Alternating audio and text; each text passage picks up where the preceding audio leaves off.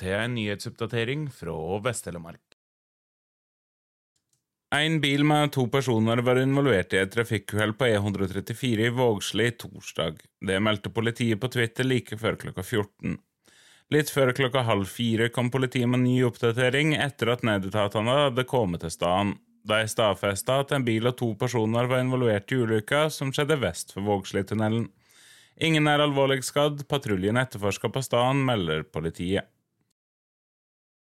I 2017 vedtok Fyresdal kommunestyre å satse på ei opparbeiding av et nytt Bustadfelt i Sørbygda. Prosjektet hadde en prislapp på 3,2 millioner kroner og innebar å legge til rette for vann, veg, avløp og strøm til totalt 14 tomter i Mogusfeltet. Arbeidet med infrastrukturen var ferdig i 2019. Da var det alt klart at kommunen hadde kjøpt den ene tomta med tanke på å få på plass den første bostaden i feltet.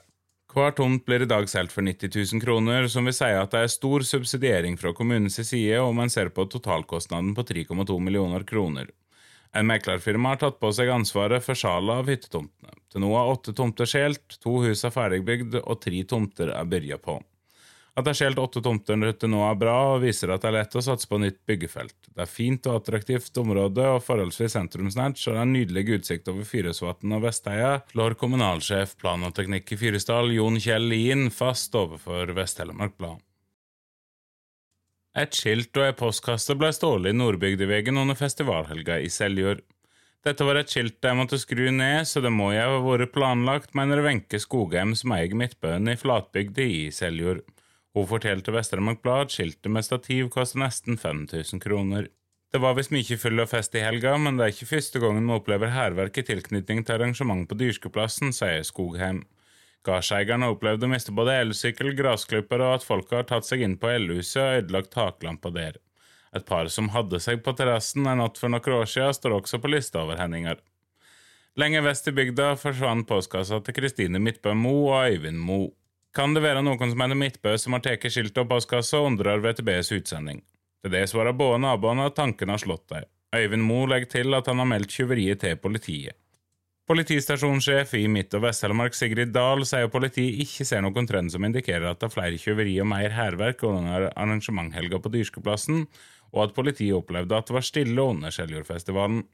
Men slike hendinger som vi snakker om her, kan være en effekt av at det er mye folk i et område, sier Dahl og legger til at en kan melde mindre brotsverk på nett.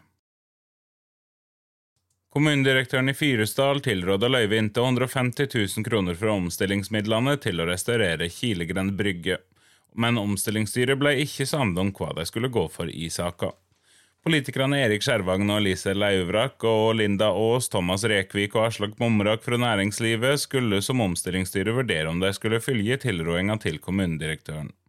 Skjervagen ville avslå søknaden, da tiltaket skaper få eller ingen arbeidsplasser. Aas gikk for tilrådinga til kommunedirektøren, mens Laurak foreslo å løyve 50 000 kroner til restaurering av brygga, da så at tiltaket kan ha verdi for utvikling av reiselivsnæring og bolyst i Kilegrend. Rekvik og Momrak støtta Laurak, og da ble vedtaket slik hun ønskte. Årets soppsesong er alt godt i gang, og det er særs gode forhold for sopptur, sier biolog og soppekspert Kolbjørn Moen Jensen til NTB. Det har vært en varm og tørr forsommer som har vært etterfylgt av rikelig med nedbør. Dette er gode forhold for soppen, og det blir glimrende i år, sier Jensen.